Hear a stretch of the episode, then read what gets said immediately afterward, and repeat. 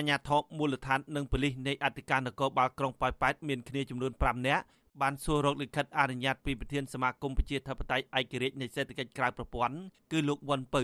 ក្នុងពេលដែលលោកចោះចែកស្បៀងអាហារដល់ប្រជាពលរដ្ឋក្រីក្រចំនួន90គ្រួសារនៅក្នុងភូមិផ្សារកណ្ដាលសង្កាត់ផ្សារកណ្ដាលក្រុងប៉ោយប៉ែត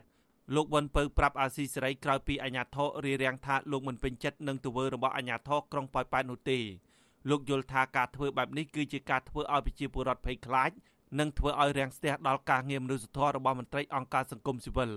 លោកថាការចែកស្បៀងអាហារនេះគឺដោយសារតែលោកអាណិតអាសូរដល់ប្រជាពលរដ្ឋក្រីក្រដាច់ស្បៀងអាហារដោយសារតែពួកគាត់អត់ការងារធ្វើជាច្រើនខែមកហើយបណ្ដាលមកពីវិបត្តិជំងឺ Covid-19 អាហ្នឹងវាជាការរដ្ឋបតីភាពនៃការធ្វើការរបស់អង្គការសង្គមស៊ីវិលហើយព្រោះគាត់ត្រឹមមកចែកកចែកអីមិនមកផ្សេងមកទួនាំមកអីអញ្ចឹងវាជារឿងមួយដែលគួរសោកស្ដាយចង់ឲ្យក្រោយគាត់ទៅហូបបាយមិនសុំច្បាប់ពីគេដែរឬយ៉ាងម៉េចអាហ្នឹងជារឿងមួយដែលខ្ញុំសោកស្ដាយមែនទែនអញ្ចឹងខ្ញុំគិតថាថ្ងៃក្រោយនឹងមិនមានរឿងហ្នឹងកើតតទៀតទេសង្ឃឹមថាអញ្ចឹងទៅចោះ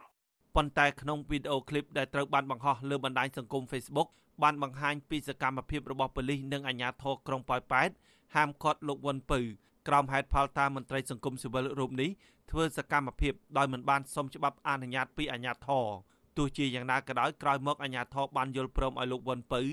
ចែកស្បៀងអាហារជាធម្មតាឡើងវិញប៉ុន្តែមានលក្ខខណ្ឌមិនឲ្យលោកពិភាក្សាជាមួយពលរដ្ឋឡើយបន្ថែមលើពីនេះប៉ូលីសបានតាមឃ្លាំមើលនិងថតរូបភាពនៃការចែកអំណោយរបស់ប្រជាពលរដ្ឋនេះ រហូតទៅដល់ចប់កម្មវិធីនៅរសៀលថ្ងៃដដែលអ្នកទទួលបានជំនួយមនុស្សធម៌ទាំងនេះរួមមានអ្នករត់ម៉ូតូឌុបកម្មករអូរ៉ូទេសអ្នកស៊ីឈ្នួលលីសៃនៅតំបន់ព្រំដែននិងអាជីវករខ្មែរដែលមានតូបលក់ដូរនៅផ្សារឡុងគ្លឿប្រទេសថៃពួកគាត់ទទួលបានអង្ករម្នាក់20គីឡូក្រាមពីលោកវ៉ុនពៅ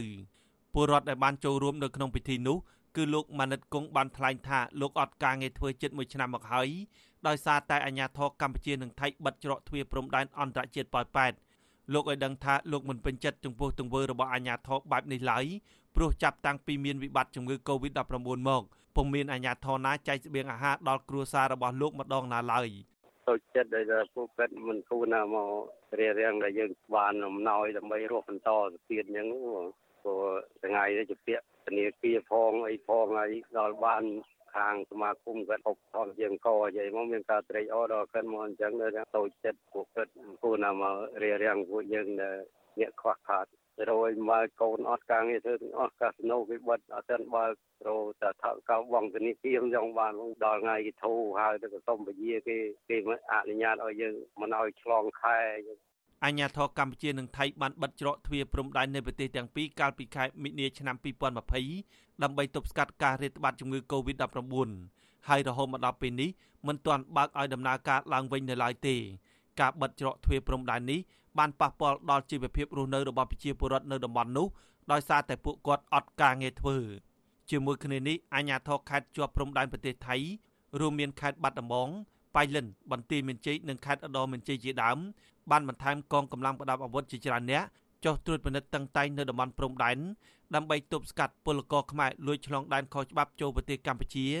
ដោយពំបានធ្វើចាត់តាលេខសាក់ចំនួន14ថ្ងៃវិធានការរបស់អាជ្ញាធរនេះបានធ្វើឡើងក្រោយពីលោកនាយករដ្ឋមន្ត្រីហ៊ុនសែនបានបញ្ចប់មុខតំណែងអធិការនគរបាលស្រុកកំរៀងខេត្តបាត់ដំបងពាក់ព័ន្ធនឹងការដោះលែងមេខ្យល់លួចនាំពលករចូលមកកម្ពុជាដោយខុសច្បាប់ ខ្ញុំបាទហេងរស្មី អាស៊ីសេរីពីរដ្ឋធានី Washington